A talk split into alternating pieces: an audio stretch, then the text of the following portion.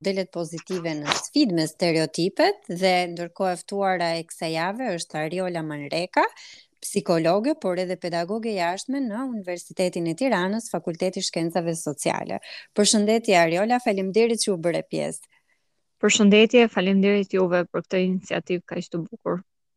Përpara se të vijojmë me bisedën dhe me ato çështje të cilat ne kemi diskutuar edhe më më herët bashkë, që janë shumë elementare dhe shumë të rëndësishme për advokimin dhe parandalimin e fenomeneve siç janë diskriminimi, bullizmi, mënjanimi, i cili fillon një, një si një proces që që në edukimin fillor dhe më pas kalon në ato fazat e tjera problematike.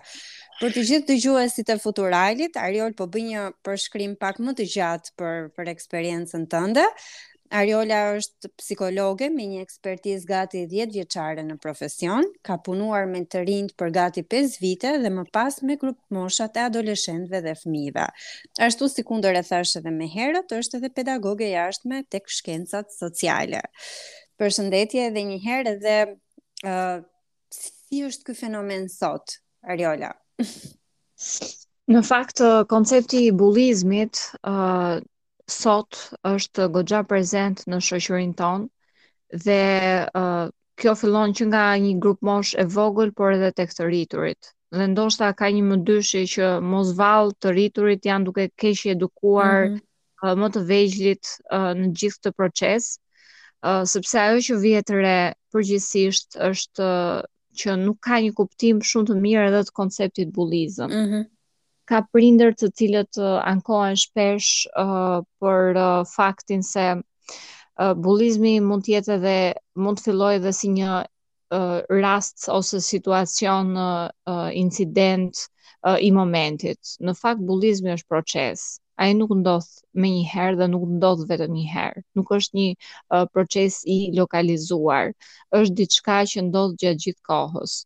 Dhe uh, tek fëmijët përgjithësisht uh, mund të fillojë me fyerje, me ofendime, me tallje për shkak të uh, për shkak të peshës, për shkak të racës, për shkak të uh, ndoshta edhe fizikut, ka ka patur goxha raste që fëmijët janë bërë pre e bullizmit, pra kanë bullizuar ose kanë kanë kanë rënë pre e tij, vetëm nga uh, ndryshimet fizike, po edhe racore siç e përmende edhe ti ti pak më herët. Si po. si bëhen evidente këto raste? Domethënë Uh, si vijnë te ti, ti je aty edhe përballesh me të gjitha mënyrat edhe me të gjitha format. Po, uh, përgjithsisht uh, nuk është ende ndërgjegjësuar uh, uh, përgjithsisht edhe edhe shoqëria dhe mm -hmm. uh, vet mentaliteti uh, që nëse ka një problem të shkohet direkt dhe të kërkohet ndihmë tek një profesionist. por ne mundohemi që nëpër klasa, nëpër takime, në korridore, shikojmë fëmijë të cilët mund të jenë të mërzitur, të trishtuar, mund të jenë të veçuar nga një pjesë e grupit shoqëror dhe mundohemi që t'i afrojmë, t'i të komunikojmë me ta, t'i ftojmë tek zyra dhe të kuptojmë se cili është problemi i tyre i vërtetë. Mm -hmm. uh, Domethënë përveç përveç një lloj sensibilizimi që është pothuajse i gjithkohshëm nëpër klasa për fenomenin e bullizmit, për faktin që ai është një proces i vazhdueshëm, shoh që edhe ndonjëherë ky konotacioni i përdorimit të shakas ndaj shokut edhe ndaj mm -hmm. një tjetri, konceptohet gabim. ai mund të fyhet dhe personi i cili mund të quhet viktimë e bullizmit fyhet dhe lëndohet nga kjo gjë dhe shoku i tij thotë unë po bëja një shaka dhe më e procesi më i vështirë është edhe tek tek prindrit sepse as prindrit nuk e nuk e pranojnë dot faktin që fëmija e tyre është duke kryer uh, një uh, një bullizëm ndaj një personi tjetër. Uh, edhe ata e justifikojnë në këtë koncept që po bënte një shaka. Megjithatë ne mundohemi që t'u flasim përditë edhe fëmijëve, por edhe prindërve përgjithësisht, sepse e shikoj që ata kanë një rol shumë të madh në procesin e edukimit të fëmijëve. Në fakt, në fakt unë këtu doja të qëndroja, sepse është një pjesë shumë e rëndësishme e formimit të fëmijës. Pra, momenti kur ai përballet me një problematik, por gjithashtu përballet me shoqërinë dhe me familjen. Uh, po. Pyesim gjithmonë edhe nuk ka asnjëherë asnjë përgjigje e cila të tregon ty se ka një model ekzakt prindërimi. Edhe shpeshherë dëgjojmë këtë që ndoshta ne nuk jemi prindër të mirë apo ndoshta uh, ka një model dhe unë nuk e di. Uh, ti si psikologe, si arrin që të të konsultosh një një prind apo uh, dikë i cili të drejtohet në këtë mënyrë? Pra, t'i hedhim poshtë këto stereotipet se uh, ndoshta nuk dim apo nuk nuk mundemi të prindërojmë. Shiko, procesi i prindërimit e them shpesh që uh, nuk ka recetë, edhe është mm -hmm. shumë e vështirë sot të prindërosh në mënyrë pozitive, në një shoqëri që është është vërtet shumë agresive. Mm -hmm. Ne shikojmë modele që janë uh, anti-vlerë, shikojmë uh, programe të ndryshme, emisione të ndryshme të cilat të cilat paraqesin uh, jo modele dhe jo vlera mm -hmm. për mhm. Dhe gjatë gjithë kohës, edhe në në në rrugë kur ecim, shikojmë njerëz të cilët fyejnë dhe flasin në mënyrë në mënyrën më banale të mundshme. Dhe në këtë moment janë dhe fëmijët që po kalojnë aty dhe i dëgjojnë. Pra, gjithë ky proces është shumë i vështirë edhe për prindërit. Dhe uh, gjithmonë kur mundohem të bëj uh, përgjithësisht takime edhe me grupe prindërish, uh, fjalinë e parë e filloj duke iu thënë nuk jemi këtu për t'ju gjykuar, sepse mm -hmm. ndihen sikur janë të paaftë për të prindëruar sot. Por uh, ajo, ajo e cila ndoshta duhet vënë theksi është uh, fakti që në Shqipëri uh, mungojnë klubet e prindërimit dhe mungojnë uh, uh, fokus grupet ku prindërit të mblidhen për të bashkëbiseduar, për të bashkëndarë problematika që i shqetësojnë dhe të mos ndihet sikur problemi që fëmija ka, fëmija i tyre ka, është i vetëm dhe është i izoluar. Ndaj mundohem shpesh që të krijoj rrjete të ndryshme prindërimi mm -hmm. për të marrë për të marrë edhe për të bashkëndarë feedback të ndryshëm dhe për të dhënë ndoshta edhe disa orientime pak më pozitive se si mund të harxhojnë pak më shumë kohë cilësore me fëmijët e tyre pavarësisht se është është pak e vështirë edhe edhe për shkak të angazhimeve të tyre, të punës, të um, pamundësisë ndoshta edhe ekonomike, sepse ndikon edhe edhe kjo pjesë mm -hmm. që kohen të punojnë në dy punë, vijnë vonë dhe pothuajse nuk e kanë dhe dhe dhe energjinë e nevojshme për të për t'iu përkushtuar fëmijës. Po si është ky raporti midis vajzave dhe dhe djemve? Pra, uh, a hasin të njëjtat problematika apo secili secili nga nga grupet ka problematika të ndryshme dhe uh, pastaj edhe përballja është e ndryshme? Nëse nëse do të themi që ku ndodh më shumë bullizmi tek vajzat apo tek djemt, uh, është pothuajse njësoj. sepse tek vajzat uh, mund të jetë edhe në në përhapjen e këtyre thashethemnajave brenda mm -hmm brenda grupeve të ndryshme, uh, mund të jetë edhe nga një komunikim që bëhet në rrjete sociale, kanë grupet e tyre të WhatsApp-it uh, në të cilat komunikojnë dhe uh, dhe mund të uh, fyhen apo tallen vazhdimisht, uh, kanë përgjithësisht në grupmoshat 14, 15 vjeç, ndonjëherë uh, janë dhe ato pëlqimet e para dhe mm. dikush e shpreh këtë gjë dhe pastaj një grup tjetër fillon dhe uh, e paragjykon apo në sensin e shakas mundohet që ta vërë në lojë dhe Loj. pas fëmija fëmija normalisht ndihet keq edhe ndihet e izoluar, nuk do që të ketë më kontakt, mendon sikur të gjitha ato besimi dhe sekretet e saj kanë dalur në shesh dhe kjo gjëja pastaj bën të ndihen keq. Ndërsa tek djemt shikohet një raport tjetër, Mm -hmm. Djemtë përgjithësisht ndoshta edhe nga mënyra se si janë edukuar dhe nga mënyra se si ne përgjithësisht prindrit mundohemi t'i edukojmë djemtë është uh, dili zot vetes, uh, je më i fort, je më i fuqishëm, je djalë edhe Këto mos lejo stereotipet e gjithmonshme. Po, dhe mos lejo që askush të të të, të bie në qafë dhe përgjithësisht tek djemtë është më shumë i pre prezent bullizmi fizik që do të thotë se ka më shumë raste kur uh, kanë agresivitet të theksuar dhe edhe fizik. Po, por pak më herët më fole për ato bisedat edhe për ato reagimet që ndodhin online. Unë e di nga studimet, por edhe nga nga bisedat që kemi bërë bashkë, është një element shumë i rëndësishëm, por është i padukshëm për t'u vërtetuar. A vijnë a adresohen tek ti persona apo të rinj apo fëmijë të cilët kanë rënë pre e bullizmit gjatë komunikimeve online dhe si shprehen ata për këtë pjesë? Domethënë janë të hapur apo mbetet diçka e fshehur aty në komunikim dhe pastaj shohim që fëmija ka ka shkuar drejt një veprimi që është i rrezikshëm? Në fakt, përgjithsisht në këto rrjetet sociale më shumë janë fëmijët dhe përgjithësisht edhe uh, adoleshentët janë më shumë pre e këtyre ngacmuesve uh, online. Mm -hmm.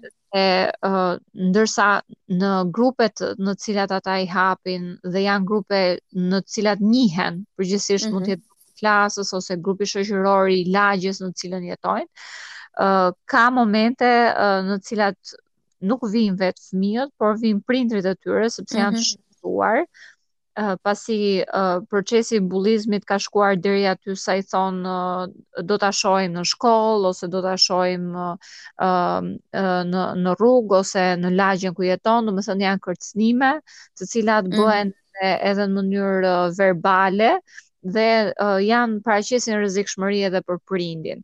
Kështu që janë më shumë prindrit ata të cilët vijnë dhe adresohen dhe nëse është një problem i cili ndodh brenda mjedisit të shkollës, ne mundohemi që të marrim masa dhe edhe me grupin i cili mund ta bëjë këtë gjë, duke komunikuar dhe me prindërit e tyre, duke uh, bërë edhe procesin e edukimit, uh, duke uh, të themi në thonjza sepse edhe për shkak të të faktit që janë të mitur edhe janë të mhm. vegjël, mm -hmm uh, mundohemi që të marrim disa masa disiplinore, por të cilat janë më shumë uh, për problematikat e tyre në sjellje, domethënë janë më shumë për t'i lënë një kohë për të reflektuar edhe mm -hmm. për mhm. kuptuar që është është është një gabim. Është një marrje mase më tepër sesa një dëshirë për t'i për t'i ndëshkuar. Jo, po patjetër, patjetër. Ngaqë janë fëmijë dhe edhe përgjithsisht mundohemi që t'i lëmë kohën e tyre të reflektojnë, që nëse dhe dhe të krijohet pak tek ta edhe procesi i empatisë, që mhm. nëse do ishe ti në vendin e fëmijës e dikujt tjetër, po. Po, si do ndihesha? Kështu që është është proces, është proces i vështirë, por uh, nëse ke dëshirën për ta zgjidhur edhe ke dëshirën për për t'i dëgjuar edhe fëmijët, por edhe prindrit, uh, mund të arrihet një zgjidhje e përbashkët. Ariol, unë mendoj që ndryshimi fillon nga edukimi dhe nuk e di nëse ti ke një këshillë për të dyja palët, pra për fëmijët edhe për prindrit, sepse çdo gjë do kohën e vet, çdo fenomen do kohën e vet për t'u njohur, por edhe për të për t'u përmirësuar.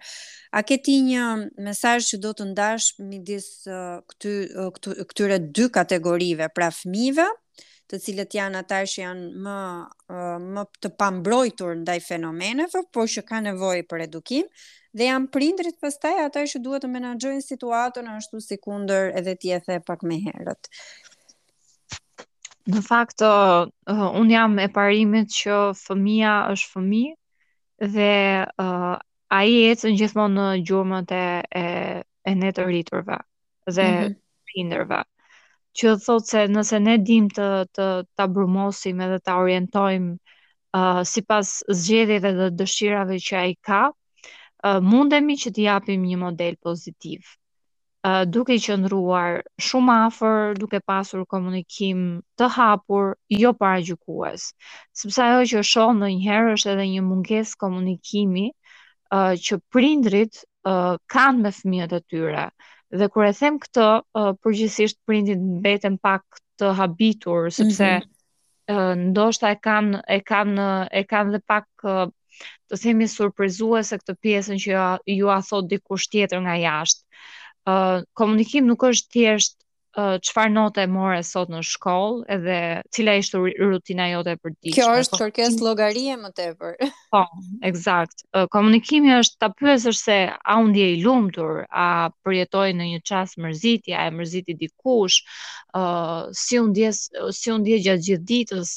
ë uh, Domethënë më shumë të merren me menaxhimin e emocioneve, uh, me kuptimin e uh, e të brendshme së fëmijës, se sa me uh, aspektin e uh, orientimit drejt dijes, sepse me sa shoh uh, prindrit janë janë më shumë të fokusuar aty.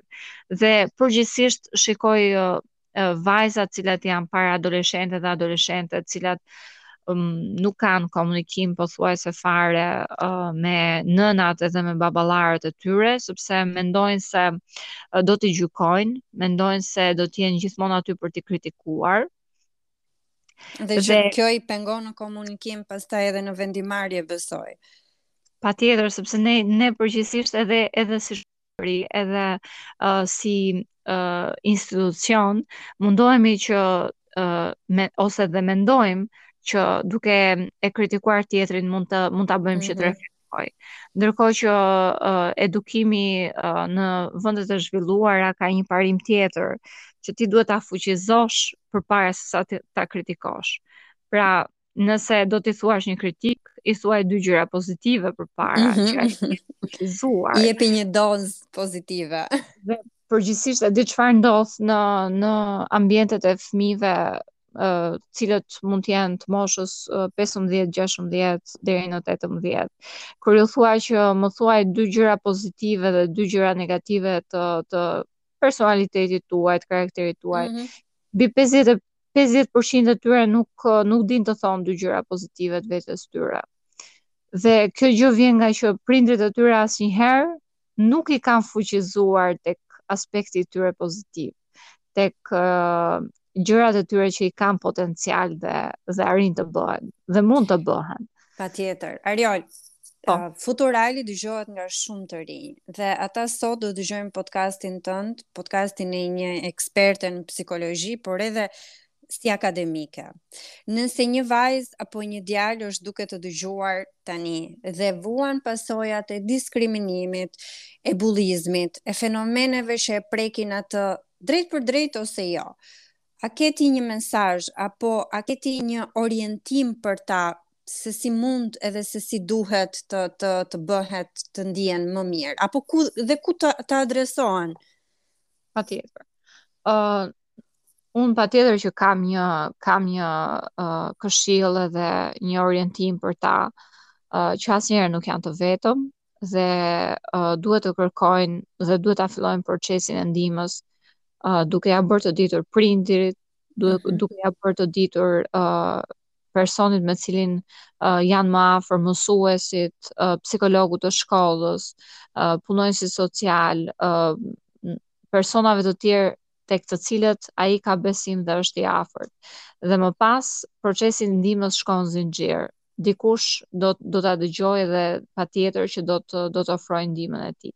Kështu që asnjëherë s'duhet të jemi të s'duhet të mendojmë që problemi jonë është i izoluar, asnjëherë nuk duhet të mendojmë që mund të gjykohem nga kjo gjë, por të kërkojmë ndihmë të specializuar tek profesionistët, tek një psikolog, tek një sociolog, tek një punonjës social, tek kushdo.